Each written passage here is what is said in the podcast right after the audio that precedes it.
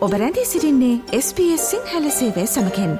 වැඩිතුර තොරතුර දැනැනීමට පිවිසන්න ps.com.ta/ Sinhala වෙපඩවයට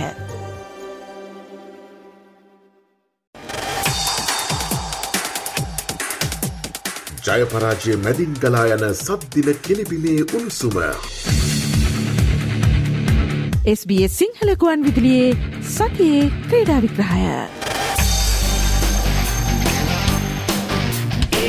අයිබෝවන් SBS Sinhala සේවේ සතියේ ක්‍රීඩා විග්‍රහයෙන් අපි අදත් පළමුුවෙන්ම අවධානය යොමු කරන්නේ දේශීය ක්‍රීඩා පිටිය වෙතයි.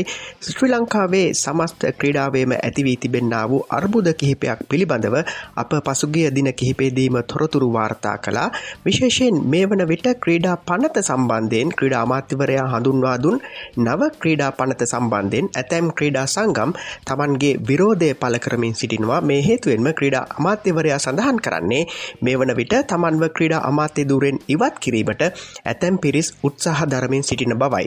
පසුගේදා පැවති උත්සවයක් අමතමින් ක්‍රඩා අමාත්‍ය රෝෂාන් රණසිංහ මහතා මේ බව සඳහන් කර සිටියා. සංගම්වල මොරකම් දූෂණය නැති වුනහම දැන් බලන්නේ මේවා වෙනස් කරගෙන යනකොට ඇමතිවරයා ගෙදර යවන්න ක්‍රමවේද. මේ රටේ තවමත් හොරු බලවත්. නිසා මේක වෙනස් කරන්න ඔබතුමාලගේ උපරිම සහයෝගය දෙන්න. මේ අතර ශ්‍රී ලංකා ක්‍රිකට් පරිපාලනය සහ වත්මන් ජාතික ක්‍රීඩා සභාවේ සභාපති අර්ජුන රන්තුංග මහතා අතර ඇතිවී තිබෙන්න්නා වූ ගැටුමත් තවමත් විසඳී නැති බවයි පෙනෙන්නට තිබෙන්නේ ඔහු පවසන්නේ ක්‍රිකට් ආයතනයේ නිලවරණය දූෂණ නැවැත්වීමට නම් ක්‍රිකට් චන්ද ක්‍රමය වහාම වෙනසකට ලක්විය යුතු බවයි.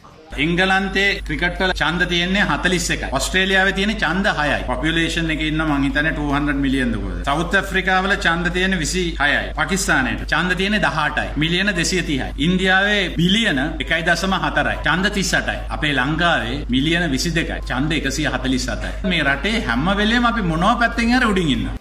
අර්ජුන රණතුංග මහතා ඒ ආකාරෙන් ක්‍රිකට් පරිපාලනයට චෝදනා එල්ල කරන වටපිටාවක පසුගේදා ක්‍රඩා අමාත්‍යවරයා සමඟ පැවති හමුවකදී ඔලිම්පික් රිදී පදක්කම් ලාබී සුසන්තිකා ජයසිංහ සඳහන් කර සිටියේ තමන් කෙතරම් ජයග්‍රහණ ලබා ගත්තත් ජනාධිපති පදක්කමක් ලබා ගැනීමට හැකියාවක් නොලැබුණු බවයි.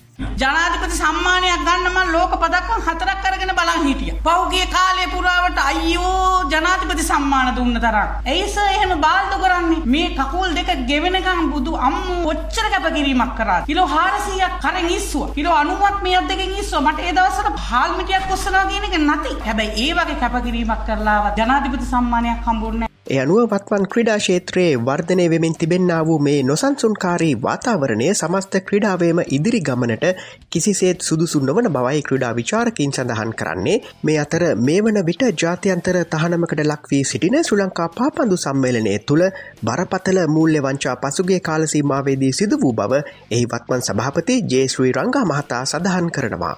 ම හිතුවන එච්චර හොරක කරන කට ඉන්නවා කිය. අයි පාලිමෙන්ට් එකෙන් හොරකම් කරා නම් අමාත්‍යාංශ හොරකම් කරා නම් එතන ඒක ඔඩිට් වෙනවා. මේක කෙලින් සම්බන්ධ වෙලා තියන්නේ ජාත්‍යන්තර සංගමුත් එක්ක. නඩුවක් දාපු ගමන් කියනවා මම නඩුවෙන් දිනනවා කියලා පාපන්දු සභාපතිය. ඒක මම දන්නේ කොහොමද කියලා. පාපන්දු 4 මිලියන් ඩොලර්ස් එනවා. නමුත් මෙතන ඉන්නවා ෆුට්බෝල් ලීග් වල ඉන්නවා. කීයද ලැබලා තියෙනව ඔයගලන්ට?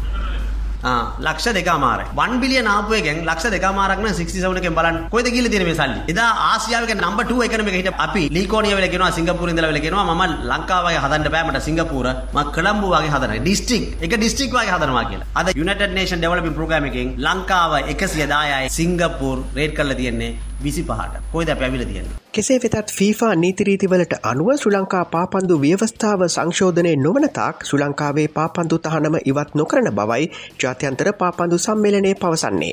නමුත් එක ක්‍රඩා සංගමයකට අදාළවන පරිදි නව ක්‍රඩා පනත සංශෝධනය කළ නොහැකි බව ක්‍රඩාමාත්‍යවරයා සඳහන් කරනවා.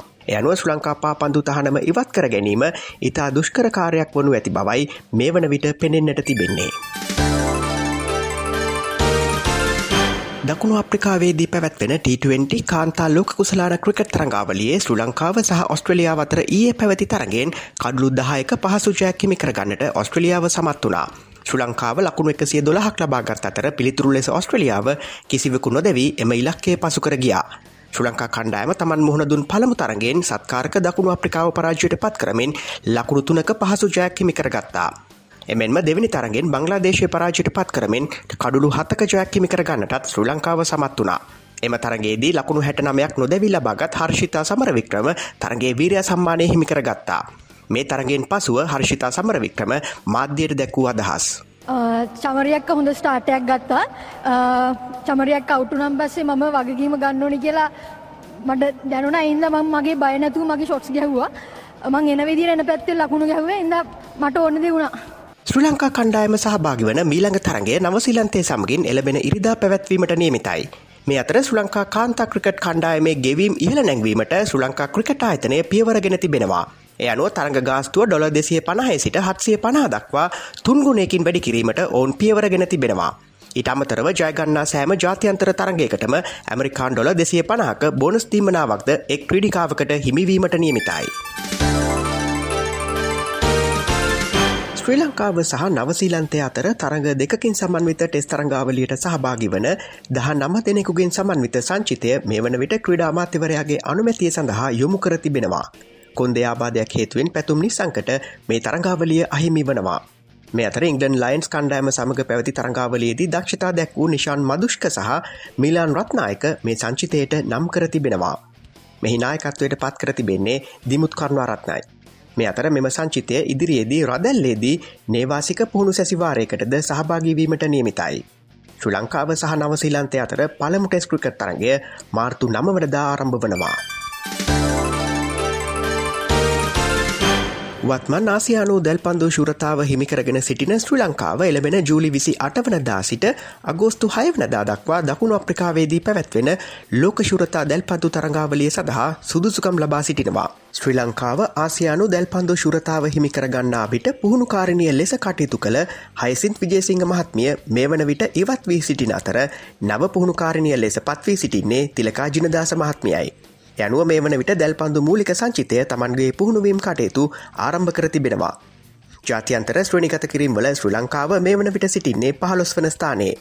කෙසේ වෙතත් හිටපු පුහුණුකාරණය හයිසින්ත් විජසිංහ මහත්මිය පසුගේදා මාධ්‍යයට සඳහන් කර සිටියේ තමන්ට එරහිව සම්මේලනය තුළින්ම යම් යම් බලවේග ක්‍රියාත්මක වූ බවයි. ඒගොල්ලෝ හරි බයයි මේ වර්ල්ඩ් කප් එකට මම ගියොත් මේක යම් කිසි දෙයක් කරයි කියලා. මම අද මෙතනින් නිදහස් චතුරස්‍රයෙන් යන්නේ නිදහස් වෙලා. මේ අතර නව පුහුණුකාරණය වන තිලකා ජිනදාස මහත්මිය එම තනතුර බාර ගැනීම පිළිබඳව මෙසේ මාධ්‍යයට අදහස් දක්වා සිටියා. දෙදස් නමේ ඇතරම ඉසලම මට ජාතික පුහුණුකර තනතුර හම්බුනේ එතකොට ලංකාව තුන්වෙනි ස්ථානය හිටියේ ඊට පස්සේ දෙදස් දහට ඒ අවස්ථා දෙකේදිම ජයග්‍රහණය කරන්න හම්බුණා. මං හිතන්නේ හොඳ කණ්ඩායමක් හම්බුණා. නැවත මං හිතුවා මට කියන්නේ පුහුණුවීම් කරන්න පුළුවන්. මොකද මට ඒ අත්දැකීම තියෙනවා වර්ල්ඩ් චැම්පියන්ෂිප් ගිහිල්ලා. අයදුම්පත් කතා කරලා තිබුණා. ඒක නිසා මං හිතුවා අයදුම් කරන්න ඕනේ කියලා. ඒ අනුව තමයි නැවත ඒ අනුව තමන්ගේ මීළඟ ඉලක්කය පිළිබඳව තිලකා ජනදාස මහත්මිය මේ ආකාරයෙන් අදහස් දක්වා සිටිනවා. මට ලොකු විශ්වාසයක් තියෙනවා අපිට ඒෂියන් කවදක්වත් පරදින්න ඕනේ නැහැ කියලා. ඉතින් දැන් ගිය සැරේ 2018 අපි දින්න 2020 දෙකේ අපි දින්න එතකොට කන්සිකටිව්ලි දෙකක් දීලා මම හිතනවා 2024 අපිට ඒෂියන් එක දිනන්න පුළුවන් කියලා ආසියාවේ කවුරුත් එහෙම එක දිගට ඒෂියන් තුනක් දිනලා නැහැ. ඒක තමයි ඊළඟ අරමුණ. SBS සිංහල සේවේ සතියේ ක්‍රීඩා විග්‍රහයෙන් අපි දැන් අවධානය යොමු කරන්නේ ඔස්ට්‍රේලියානු ක්‍රීඩා පිටිය වෙතයි. තරග හතරකින් සමන්විත India Australia Border Gavaskar Test cricket තරගාවලියේ පළමු ටෙස් තරගෙන් ඉන්දියාව ඉනිමක සහ ලකුණු එකසේ තිස් දෙක ජයග්‍රහණයක් හිමි කරගත්තා. ඔස්ට්‍රලියාව තමන්ගේ පළමුුවනිමට ලකුණු එකසේ හැත්තෑ හතක් ලබාගත් අතර ඉන්දියාව පිළිතුරු ලෙස ලකුණු හාරසීයක් ලබාගත්තා. ඔස්ට්‍රලියාව තමන්ගේ දෙවන ඉනිමට ලබාගත්තේ ලකුණු අනුව එකක් පවනයි. මෙම තරගේ වීරයා ලෙස රවීන්ද්‍ර ජඩේ ජාතේරී පත් වනා. කෙසේ වෙතත් ඔහුගේ තර්ග ගාස්තුවෙන් සියට විසි පහක් අහිමි කිරීමට තරඟ තීරකවරයා පියවර ගත්තා. තරගේ අතරතුර පන්දුව පළඳු කලා යන සැකය ඔහුට විරුද්ධව එල්ල වුණා. නමුත් විනිසුරුගේ අවසරයකින් තොරව පන්දු යවන අතේ ඇඟිල්ලක ඔහු වේදනානාශකයක් ආලෙප්ප කර ඇති බව පසුව අනාවරණය කෙරුණා. මේ අතර ඉන්දියාව සහ ඔස්ට්‍රලියාව අතර තුන්වන ටෙස් ක්‍රිකට් තරගේ පැවැත්වීමට නියමිතව තිබුණේ ධර්මශාලාහිදී. කෙසේ වෙතත් එම තරගේ මේ වන විට ඉන්දෝර් වෙත මාරු කර තිබෙනවා. ධර්මශාලා ක්‍රඩාංගනය තරගේ සඳහා පූර්ණ වශයෙන් සූදානම් නැති බවයි ඉන්දියාව සඳහන් කරන්නේ. ඉන්දියාව සහ ඔස්ට්‍රලියාව අතර දෙවන ටෙස් ක්‍රිකට් තරගය අද දිල්හිදී ආරම්භවීමට නියමිතයි. කාන්තා T20 ලෝක කුසලාන ක්‍රිකට් තරඟාවලියේ තමන් සහභාගි වූ තරඟ තුනම ජය ගනිමින් ප්‍රසාද ලකුණු සටහනේ පෙරමුණ ගන්නට ඔස්ට්‍රලියාව මේ වන විට සමත් වී තිබෙනවා. ඔස්ට්‍රලයානු කාන්තා ක්‍රිකට් කණ්ඩායම පසුගේදා නවසිලන්තය පරාජයට පත් කරමින් ලකුණු අනු හතක ජයක් හිමි කරගත්තා. ඊට අමතරව බංගලාදේශය පරාජයට පත් කරමින් කඩුළු අටක පහසු ජයක් හිමි කරගන්නටත් ඔස්ට්‍රලියාවට හැකියාව ලැබුණා. මේ අතර ඉන්දිය ක්‍රිකට් පාලක මණ්ඩලේ පළමුුවරට සංවිධානය කරන කාන්තා ප්‍රිමේලි ක්‍රිකත් තරංගාවලිය සඳහා ක්‍රඩිකාවන් වෙන්දේසිය පසුගේදා සිදු කෙරුණා. මෙහිදි ඔස්ට්‍රේලයානු ක්‍රඩිකාවන්ට ඉහළ මිලක් හිමිවී තිබෙනවා. එහිදී ගුජරාත් ජයන්ස් කණ්ඩෑම විසින් ඇශ්ලි ගාඩ්න ඩොල පන්ලක්ෂ පනස් අට දහසකට මිලදී ගත් අතර බෙත්මූනි ඩොල තුන්ලක්ෂ පනස් දහසකට මිලදී ගනු ලැබවා. රොයල් චලෙන්ජස් බැංගලෝ කණ්ඩෑම විසින් එලිස් පෙරි මිලදී ගනු ලැබුවේ ඩොල දෙලක්ෂානු හත් දහසකටයි. මෙගලනින් ඩොල එක්ලක්ෂානු දෙදහසකට දිල්ලි කැපිටල්ස් කණ්ඩෑම විසින් මිලදීගෙන තිබෙනවා. මෙම තරංගාවලිය මාර්තු හතර වනදා සිට විසි හයවනදා දක්වා පැවැත්වීමට නියමිතයි. ඒ සමගින් SBS සිංහල සේවේ සතියේ ක්‍රඩා විග්‍රහයෙන් අදට අපි සමුගන්නවා හමුවමු ලබන සිකුරාදත් සුපුරුදු වේලාවට එතෙක් ප්‍රාර්ථනා කරනවා ජයග්‍රාහි සතියා. ජයපරාජය මැදින් ගලා යන සද්දින කෙලිබිලේ උණුසුම. SBS සිංහලකුවන් විදිලියේ සතියේ ක්‍රීඩා